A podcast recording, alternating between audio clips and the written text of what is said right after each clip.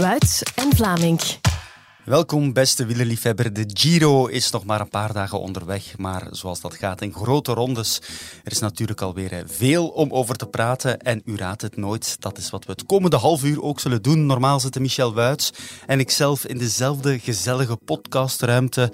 Nu is dat toch uh, enigszins anders, want uh, Michel, als alles goed loopt, heb ik nu verbinding met jou. Je bent gewoon thuis in Scherpenheuvel, hè? dat klopt hè?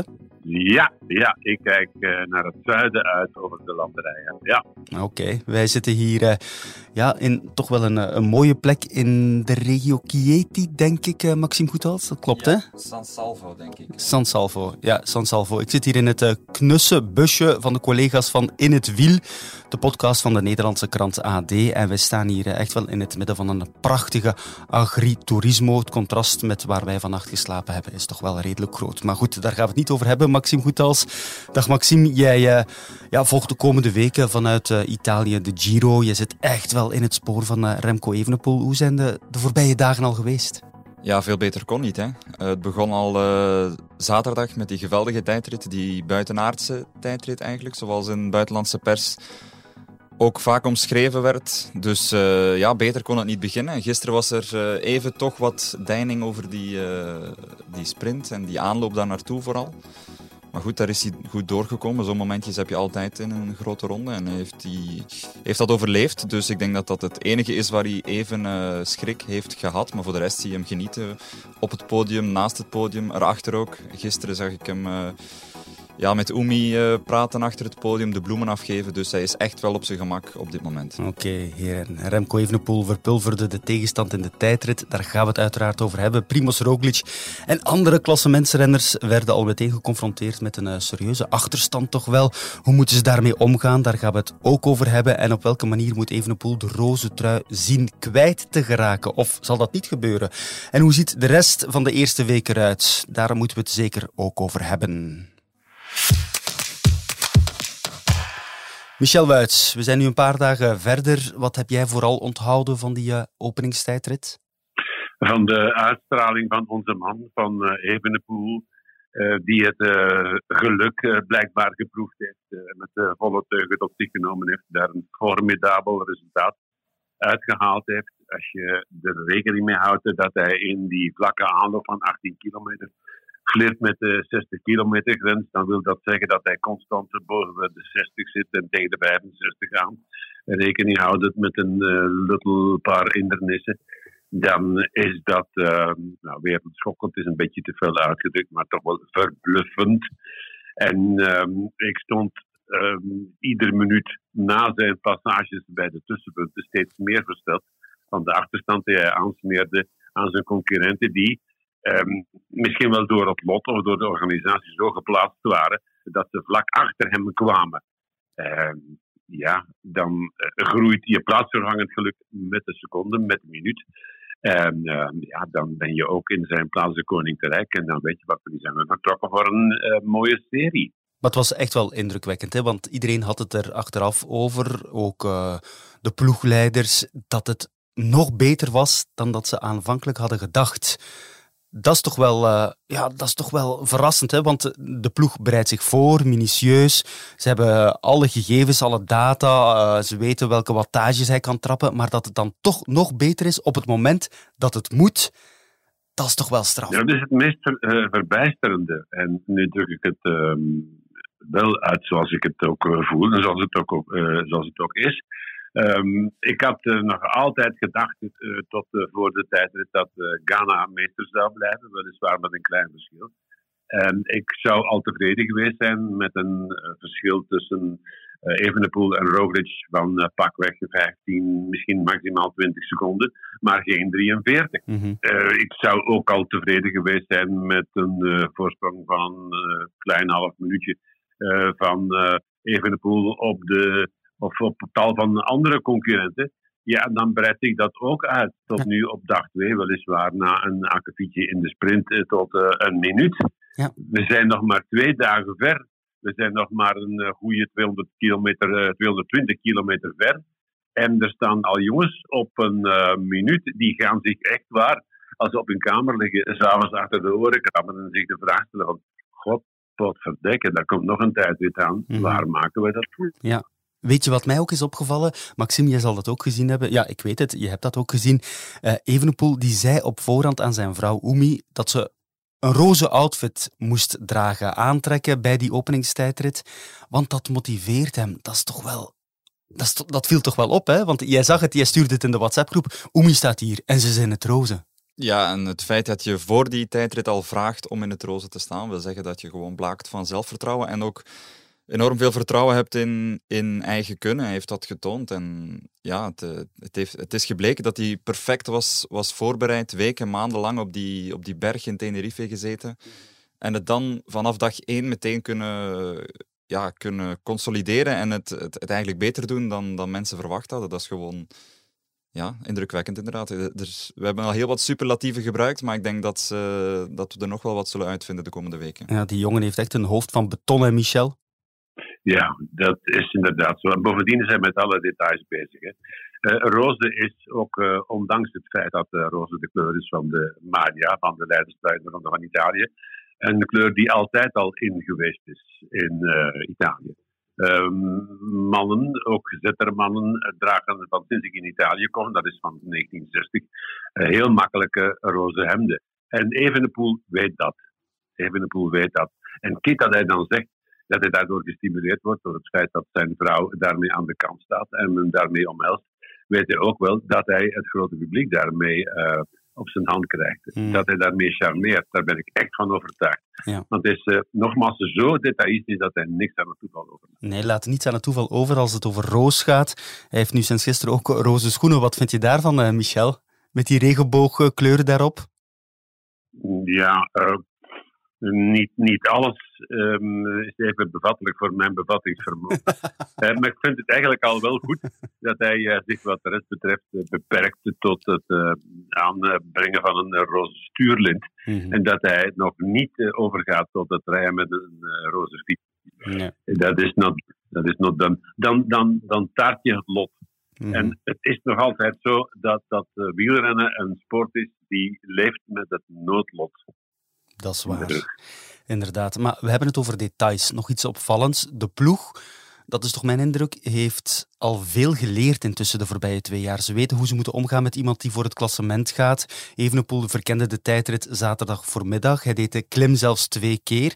En daarna ging hij nog een aantal uren rusten. Niet op de bus, niet in hun hotel, want dat was een beetje te ver. Ze hadden speciaal een hotelkamer gehuurd voor Evenepoel in de buurt van de start, waar hij dan nog enkele uren kon rusten, op het gemak, relaxen. Dat zegt toch al veel over hoe de ploeg met die details bezig is, Maxime. Ja, tuurlijk. En het is ook logisch dat ze dat niet meteen allemaal onder de knie hadden. Want twee jaar of drie jaar geleden hadden ze geen ploeg voor een grote ronde. Dat is echt de laatste twee, drie jaar uit de grond gestampt. Echt rond Evenepoel. En dan is het logisch dat er in het begin wat eh, onduidelijkheden, kinderziektes zijn die ze, die ze niet meteen kunnen aanpakken. En dan hebben ze in die drie grote rondes, die ze nu echt wel voor de prijzen gereden hebben.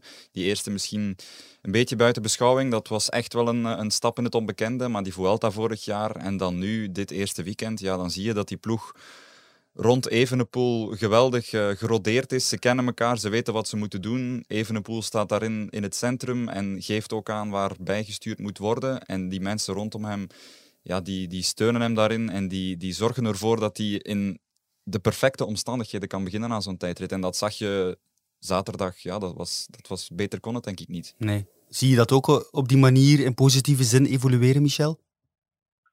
Ehm, het is eh, in elk geval zo dat dat ehm, detailisme van Evenepoel, dat dat eh, uitstraalt naar de, zij die het gezag moeten dragen in de ploeg, naar de ploegleiding en daarboven ook nog het management. Dus die kunnen niet achterblijven. Die moeten mee in de detailzuchten van, van de leider en moeten ervoor zorgen dat alles tot in de puntjes eh, verzorgd blijft. Dat zal de komende dagen nog erger worden. Hè. Ehm, ik weet niet of je de weerapps al een beetje bestudeerd hebt, maar het weer gaat daar ferm omslaan. Helaas. En het zou eh, best kunnen dat eh, na een paar dagen, misschien overmorgen al, eh, dat het een slechte weer begint en dat we de eerstvolgende vijf, zes ritten in rotweer zullen moeten doorbrengen. En dan wordt de attentie voor de details, het verzorgen, het koesteren van de roze man en ook degenen die hem omringen, alle wordt nog veel belangrijker. Ja, En dat hebben ze eigenlijk gisteren in die tweede etappe wel al goed gedaan. Ze hebben hem veilig binnengebracht in San Salvo. Dat was eigenlijk niet zo evident, want op drie kilometer van de streep was er dan die val. Ehm, ja, goed gedaan van de gasten, hè, Michel? Ja, absoluut. Eh, ik was eh, zeer gecharmeerd door de manier waarop ze het uh, opbouwden, waar ze letterlijk een geometrische figuur trokken rondom hem. Met Cherny en Catania in een prominente rol. die vooraan in het punt van die halve driehoek gingen zitten. En dan uh, Evenepoel daar bij wijze van spreken in dat Bermuda-driehoekje helemaal opgesloten. Zodanig dat hij nog links, nog rechts getoucheerd kon worden. Mm -hmm had je de indruk van het allemaal wel zonder vlekjes verlopen in de slotfase. Ja, toch gebeurde het hè, aan het eind. En wel heel dicht bij hem. Dus, eh, maar goed dat het op die manier gebeurt. Ja, het was heel dicht bij hem, waardoor hij het ook heeft gezien en beleefd wat daar precies is gebeurd. Maxime, wat, wat zei hij tegen jou? Ja, dat ze geluk hebben gehad, want uh, er was een, dat zie je vaak zo'n beweging, zo'n golfbeweging. En Evenepoel zat eigenlijk midden in die golfbeweging, want voor hem reden Ballerini, Czerny, die moesten alle twee uitwijken. En ja, hij zei letterlijk, als Czerny daar uh, dat niet kan opvangen, dan val ik ook gewoon. Want hij reed vlak achter Czerny en als Czerny dat, dat akkefietje niet kan opvangen, dan lag ik erbij. Dus het hangt af van details. Maar je ziet ook dat Evenepoel in zo'n finales vol vertrouwen ook rondrijdt. Hij zei het ook gisteren van als je niet durft in zo'n finale, als je niet durft te vechten om je positie, ja, dan word je gewoon weggedrumd. En dat, dat kan niet als de beste op dit moment. Want je moet, je moet maar eens in die top 10 van zo'n peloton blijven rijden. Daar moet je echt wel wat ellebogen voor hebben. Dat klopt. Uh, je hebt uh, met hem gesproken achteraf. Laten we even naar dat uh, gesprek luisteren. Remco, je eerste dag in Roze, beschrijf hem eens voor ons. Ja, heel goed. Hè. Ehm, mooi weer, een makkelijke rit en ja, uiteindelijk nog wat geluk op het einde. Dus uh, kan niet klagen. En onderweg nog tijd voor een uh, high five met je vrouw. Hoe, uh, hoe gaat dat? Ja, ik zag haar staan. ze stond daar helemaal alleen. En het was ook een heel relaxed moment in het peloton. Dus ja, ik vond het wel een, een leuk moment om te kunnen doen. En ja, ik ga, ik ga haar nu ook een paar dagen niet meer zien. Tot volgend weekend verwacht ik. Dus was nog een, een laatste goodbye. Er is een hele mooie foto van trouwens. Dus, uh, ja. Um, die valpartij in het slot, beschrijf ze eens vanuit jouw standpunt. Uh, ja, we zaten op positie 10-15. Uh, ideaal waar we moesten zitten. De trein van Alpecin komt langs links voorbij. steken wat pootjes uit ehm, van, van de barrières. En uh, Groves gaf een duw, van, aan duw aan Ballerini. En daardoor komt Ballerini tegen het wiel van Czerny die voor hem reed. En uh, valt hij bijna. En moest hij gevallen zijn, lag ik er gewoon bij.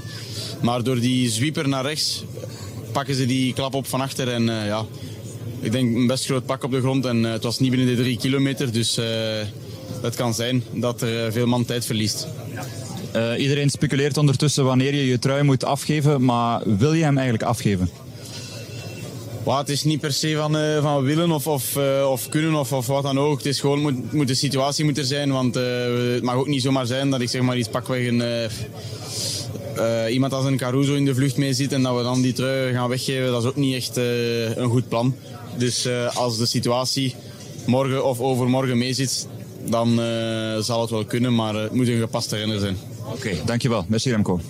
Het moet een gepaste renner zijn, maar laten we toch nog eens even teruggaan naar die vallen. Hij heeft het over Caden Groves, over de mannen van Alpecin de Koning. Maar ja, Michel, zijn dat nu niet eenmaal zaken die gebeuren in de koers, in die hectiek? Iedereen wil goed gepositioneerd aan die sprint kunnen beginnen. Moet hij daar iemand met de vinger wijzen? Um, ik was verrast toen hij uh, Groves bij naam noemde. Toen dacht ik uh, op dag 2 ehm, daar al een stempel op plakken. Uh, uiteraard uh, gaan er uh, nu vanochtend bij de start of straks bij de start al een paar journalisten richting Keding Grove stappen. Mm -hmm. Richting eventueel de ploegleider van Alpecin de Koning en daar verhaal halen. En dat kan toch wel voor wat vrevel zorgen. Dat is één manier om het te bekijken. Dan zou je kunnen zeggen van hou toch een beetje je staart in en hou het wat rustig wat dat betreft. blijf de gemoederen een beetje zalven. Uh, maar anderzijds uh, kun je het ook anders bekijken. Hij uh, is wereldkampioen, hij is eh, leider en wil zich dan ook als een echte leider gedragen. En dan is het goed dat hij orde op zaken stelt. Het is daar zo'n beetje tussenin zweven. Mm -hmm. ik ben voorzichtig van nature en ik denk, wat de beoordeling betreft, hangt daar veel van af van hoe je eigen instelling is.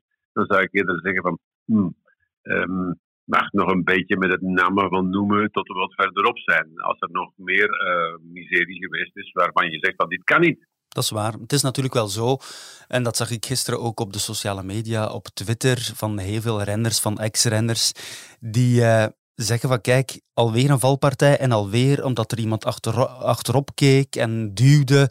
Het gebeurt al te veel, al te vaak. Uh, Maxime, vind jij dat ook?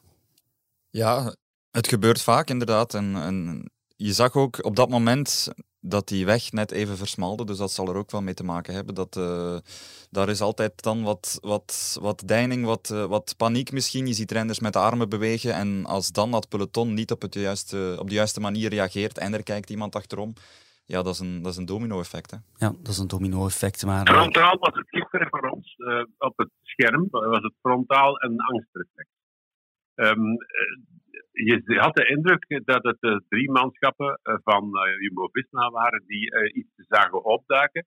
Um, nog behoorlijk ver van de eerste man in het rijtje af. En dat die daardoor uitweek naar rechts.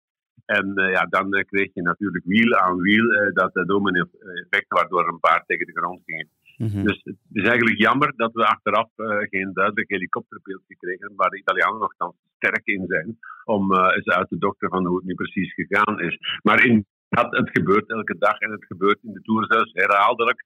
Je kan er gif op nemen in uh, grote ronden dat er in de eerste, dat dan de tweede dag, dat er mensen sneuvelen. En ik vind dat eigenlijk kotsbeur. Mm Echt kotsbeur. En wat ik nog ellendiger vind, dat is dat men crashes gaat uh, gebruiken in, in, in, filmpjes die als teasers moeten dienen om te kijken naar de volgende dagen. Of in samenvattingen in het uh, begin van de rechtstreekse uitzending om te zien van kijk eens wat hier allemaal gebeurt. Alsof het aantrekkelijk dat, is. Dat, dat, daar word ik slecht van. Mm -hmm, begrijp ik helemaal. Goed, na de tweede etappe had ik ook een gesprek met Koen Pelgrim, de coach van eh, Remco Evenepoel. Evenepoel en zijn ploegmaats waren gelukkig de etappe zonder kleerscheuren doorgekomen. Je kent hem zeer goed, je werkt er intens mee samen. Hij oogt zeer ontspannen. Hè? Heeft hij echt totaal geen last van stress? Natuurlijk, er zat er wel druk op je schouders. Zeker in heel België leeft, uh, leeft redelijk mee. Dus dat zal nooit volledig uh, ja, zomaar van je afvallen. Um, maar ik denk dat wel een teken is dat hij, ja, dat hij goed in zijn vel zit en dat hij, uh, ja, dat hij zelfvertrouwen uitstraalt. Als je voelt dat je goed bent, ja, dan ben je altijd iets ontspannender dan wanneer je, wanneer je voelt dat ja, dat lastig is tegenover de rest. Is het nu al in deze fase van de Giro, dus zeer vroeg, is het nu al een andere Evenepoel die je ziet dan in de Vuelta? Nee, dat denk ik niet. In de Vuelta was hij ook goed. Uh, was hij ook goed begonnen natuurlijk was de, ja, de uitgangssituatie een klein beetje anders. Um, maar dit is meer een, een, een, rustigere eerste week waar hij met die twee tijdritten wel goede zaken kan doen. Um, dus ja, uiteindelijk kun je, ook in dezelfde situatie terechtkomen als vorig jaar in de, in de Vuelta. Dat je die trui lang gaat moeten verdedigen of het alles sinds je positie gaat moeten verdedigen. Als trainer ben je natuurlijk heel erg bezig met data, met uh, heel veel gegevens op basis van alle data die je beschikbaar had, wat hij gisteren heeft gedaan, was dat nog beter dan verwacht? Ja, was een stukje boven onze verwachtingen. Um, als je ziet de vermogens dat hij kon duwen in de tijdrit, was, was hoger dan wat wij ingeschat hadden. Ook op basis van zijn vorige tijdritten, dus dat was, dat was zeker goed. En het gat was ook wel iets groter met de concurrentie dan we hadden, hadden gehoopt eigenlijk. Ja, het gat was uh, al een stuk groter. Daar hebben we het al over gehad. Maar laten we eens even naar het klassement zelf kijken. Hè. Evenpoel is dus uh, leider. Ghana is nu tweede op 22 seconden. Dat is niet echt uh, iemand voor het uh, klassement. Almeida op 29 seconden. Primoz Roglic vijfde staat hij op 43 seconden. Garen Thomas zesde op 55 seconden. Vlasov ook 55. Gegen Hart, die reed eigenlijk wel een sterke tijdrit. Werd vierde, maar gisteren werd hij dan opgehouden door die val en verloor daarbij 19 seconden. Dus die staat nu intussen tussen Gegenhard, ex-winnaar van de Giro op 59 seconden, en Jay Vine nu al op 1 minuut en 5 seconden. Ja, dat is toch wel, dat komt binnen, hè, die tussenstand na twee uh, etappes, Michel. Ja, dat uh, kun je wel stellen. Al ben ik wel zeer gecharmeerd door de prestatie van Almeida, want die staat dichter dan ik dacht. Al uh, is Almeida ook in tijdritten datgene wat hij is aan het eind van grote rondes. Um, een van, niet meer een outsider, maar een van die mannen die toch altijd dicht bij de top 5 uh, sluipt. Ofwel er net in, ofwel er net uit.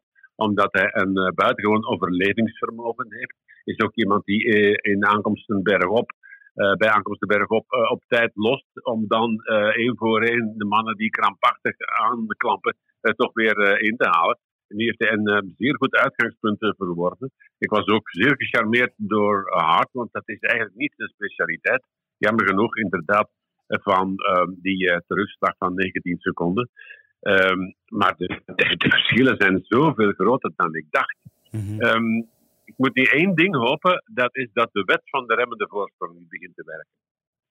Um, dat de Evenepoel bij zichzelf gaat denken. Ik denk niet dat dat zal gebeuren, maar de kans bestaat toch altijd dat hij bij zichzelf gaat denken: oh, kijk eens wat ik al uitgebouwd heb.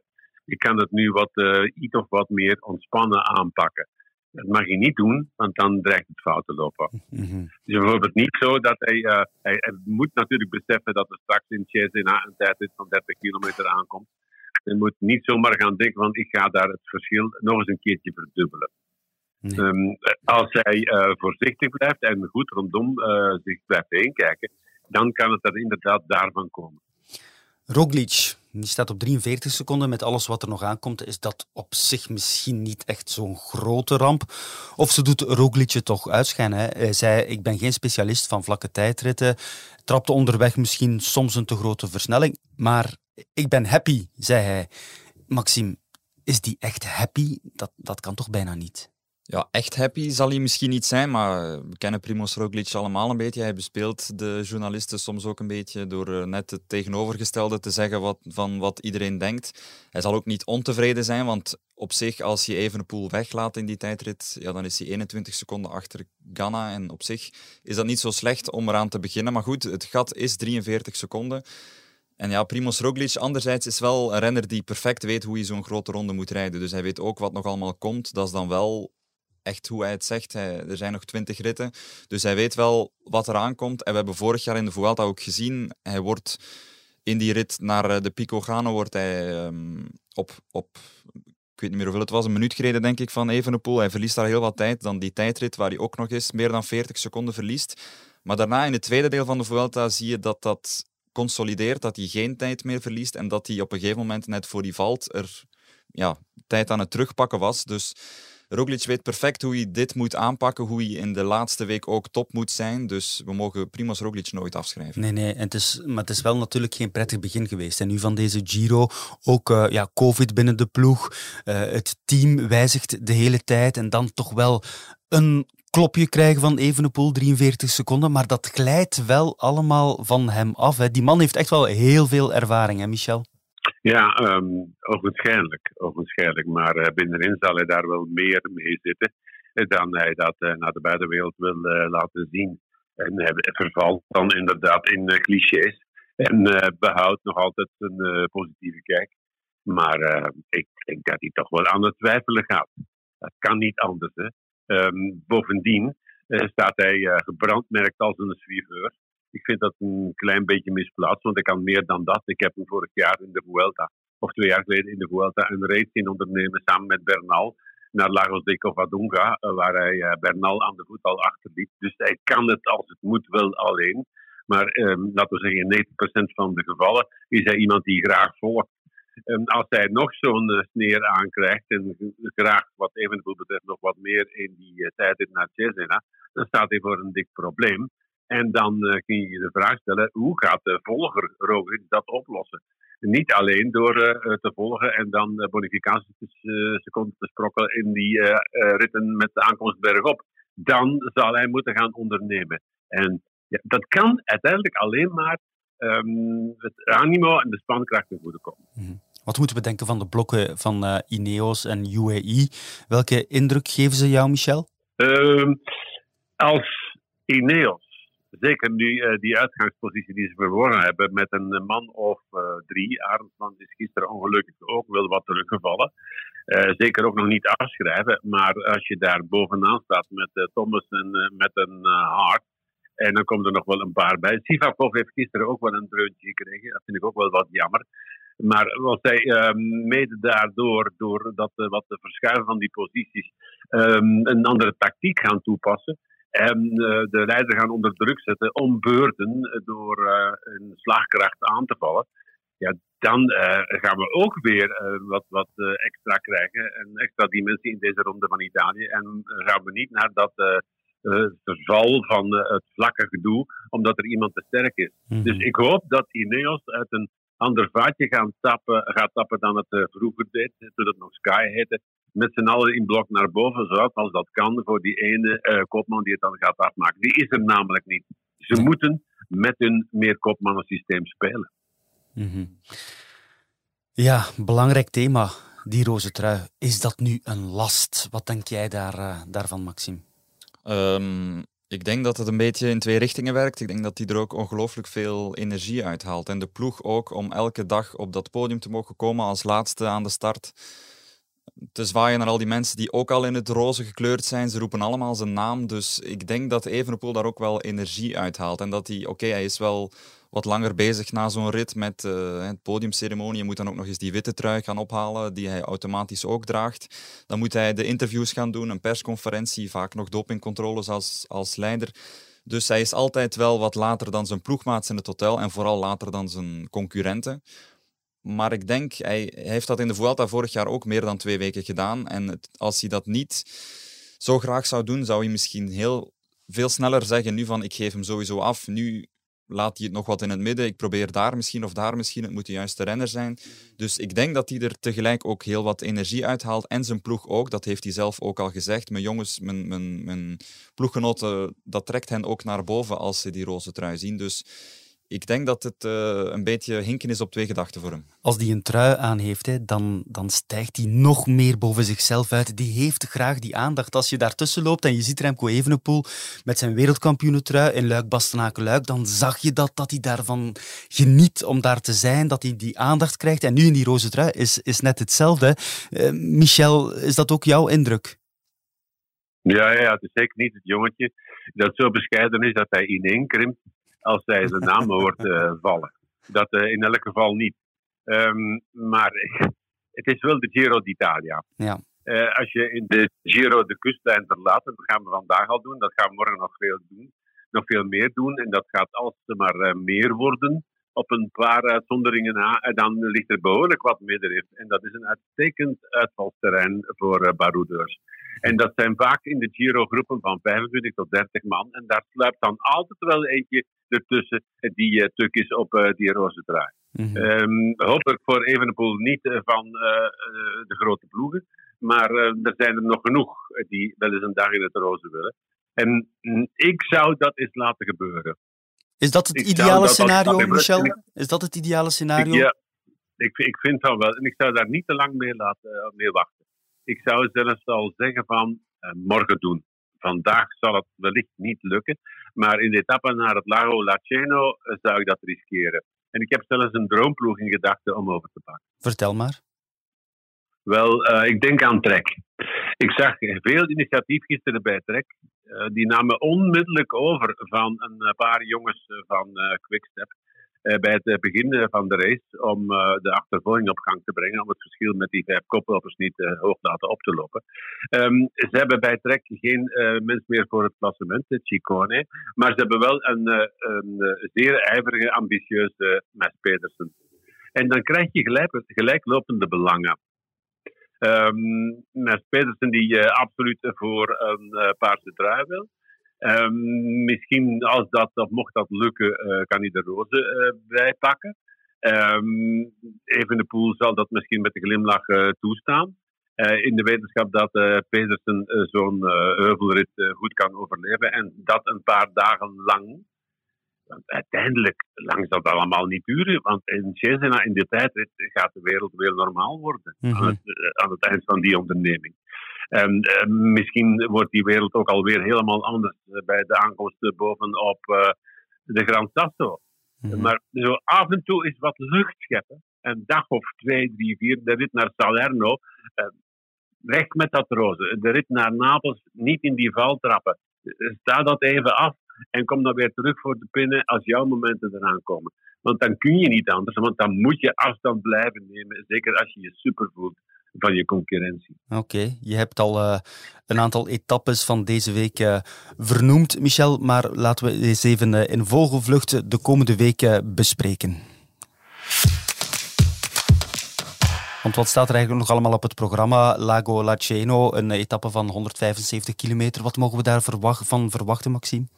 Ja, dat zal een etappe zijn waar de klassementsmannen voor een eerste keer echt tegen elkaar gaan rijden. Het is misschien nog niet het, uh, het hooggebergte of een Gran Sasso die er later aankomt, maar het zal toch al een klein beetje een indicatie geven van wie aan wie gewaagd is en wie beter is of wie minder is, die, uh, die vierde etappe. Ik denk zelfs ook vandaag, we zijn nu maandag, die rit straks, um, die zal ook al, ik denk bijvoorbeeld Roglic, dat is een rit die hem perfect moet liggen. Hè. Die eerste rit in Catalonië is een beetje gelijkaardig. Die vierde rit herinnert mij in de Ronde van Spanje vorig jaar in La Guardia die hij wint. De rit waar Evenepoel achteraf in dat ijsbad gaat zitten. We kennen de foto's nog.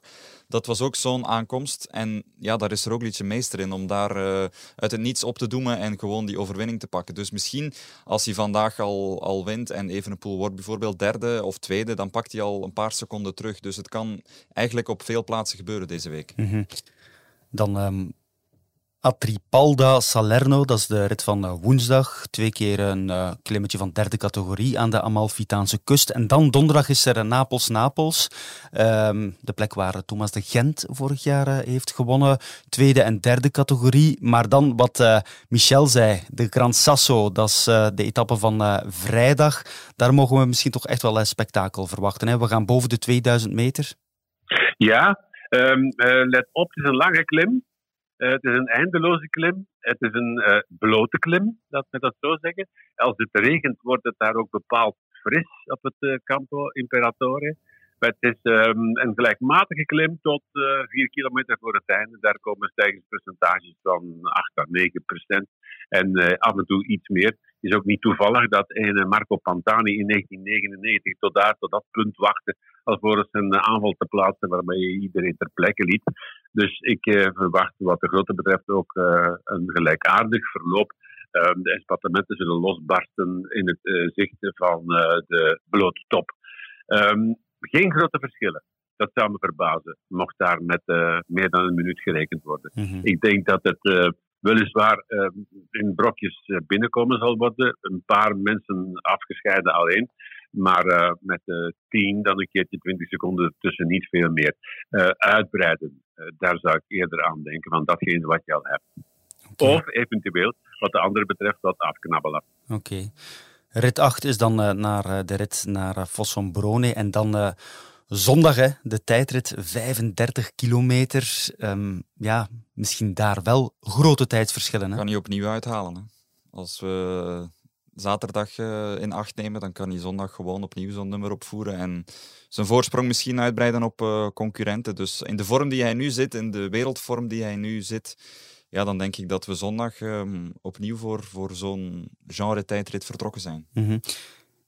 Is de Giro dan gereden als hij twee minuten voorsprong heeft op uh, Roglic Michel? Nee, Nee, nee, nee, nee. Uh, de geschiedenis van de voorbije Giri, laten we zeggen vanaf 2015, zeker vanaf 2016, is uh, iedere keer weer een voorbeeld van uh, een rittenkoers met een omslag aan het eind. Je kan er gif op nemen dat degene die daar aan de leiding stond bij het ingaan van de laatste week, dat hij op een, een of andere manier kapseist en dat hij overroeld wordt door een ander. Dat kan door pech, ik verwijs naar Kruiswijk, die nog voorbijgehold werd eh, door uh. Ik verwijs naar Froome, die het plots in zijn ster kreeg om een aanval van ver te plaatsen. Ik verwijs uh, naar uh, Hindley, die het klaarmaakte in de laatste bergrit met aankomst boven vorig jaar. En ook in die andere tussenjaren is het zo gelopen. Ook Roglic weet hoe dat gaat. In 2019 had hij op een bepaald moment um, twee en een halve minuut voorsprong. Ik zelfs dicht tegen de drie aan. Dat leek allemaal binnen. Hij had een formidabele tijdrit neergezet in San Marino. Eh, dus alles was kant en klaar. Tot Movistar uitpakte met een gigantisch plan. Uh, Landa in het offensief stuurde en uiteindelijk Carapaz het liet afmaken. En die was uh, buitenschot en werd niet meer bijgehaald. Dus dat kan. Dat is eigen aan de Giro, dat is eigen aan die laatste week. Dus mm -hmm. niks is binnen. Niets is binnen, maar uh, een scenario zoals in 1990. Gianni Bugno, dag 1 pakt hij het roze. De laatste dag staat hij nog altijd in het roze. Is dat uitgesloten? Nee, Dat is ook niet uitgesloten. Ik weet ook niet precies over welke bergen die uh, editie van 1990 uh, gelopen is. Dat wil ik wel eens opzoeken. Maar wat ik wel met zekerheid weet, dat is uh, toen Staroni en Moser de Ronde van Italië wonnen in de jaren 80. Moser bijvoorbeeld in de slottijdrit in 84. Ehm, toen werden er zelfs in extremis bergen weggehaald. Oké. Omdat Moser en Saroni niet echt gepatenteerde klimmers waren die met zekerheid konden zeggen van we gaan onze rode trui hier redden.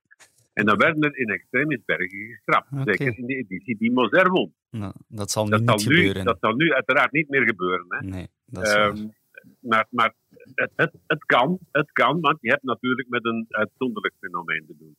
En tegelijk heeft hij ook wel de ervaring van die Vuelta vorig jaar, waar hij ook die druk moest torsen van die laatste week, waar hij die rode trui al droeg. En hij heeft dat wel tot een goed einde gebracht. Dus misschien is dat nog net een tikkeltje dat in zijn voordeel spreekt, dat hij weet wat het is om die laatste week door te komen in die, in die leiderstrui. Hij heeft inderdaad al uh, die uh, ervaring. Dat, dat, is zonder enige twijfel uh, zo. al lag vorig jaar het zwaartepunt van de Vuelta wel in deel 1. Mm -hmm. Ik wil zeker deel 2 met die onvoorstelbaar lange beklimming naar de Sierra Nevada in drie trappen. Ik wil die zeker niet onderschatten die mag makkelijk naast die uh, lastige etappes liggen die we deze week nog, oh nee, die we aan het eind van deze Giro nog uh, zullen krijgen. Uh, maar daar krijg je wel een opeenvolging van dat soort Sierra Nevada-etappes. En dan moet je van ijzer zijn om daar iedere keer weer van te herstellen. Okay. Maar er is dan weer die wetgeving. niemand heeft een beter herstelvermogen dan Evenepoel, lees ik bij verschillende specialisten. Goed, heren.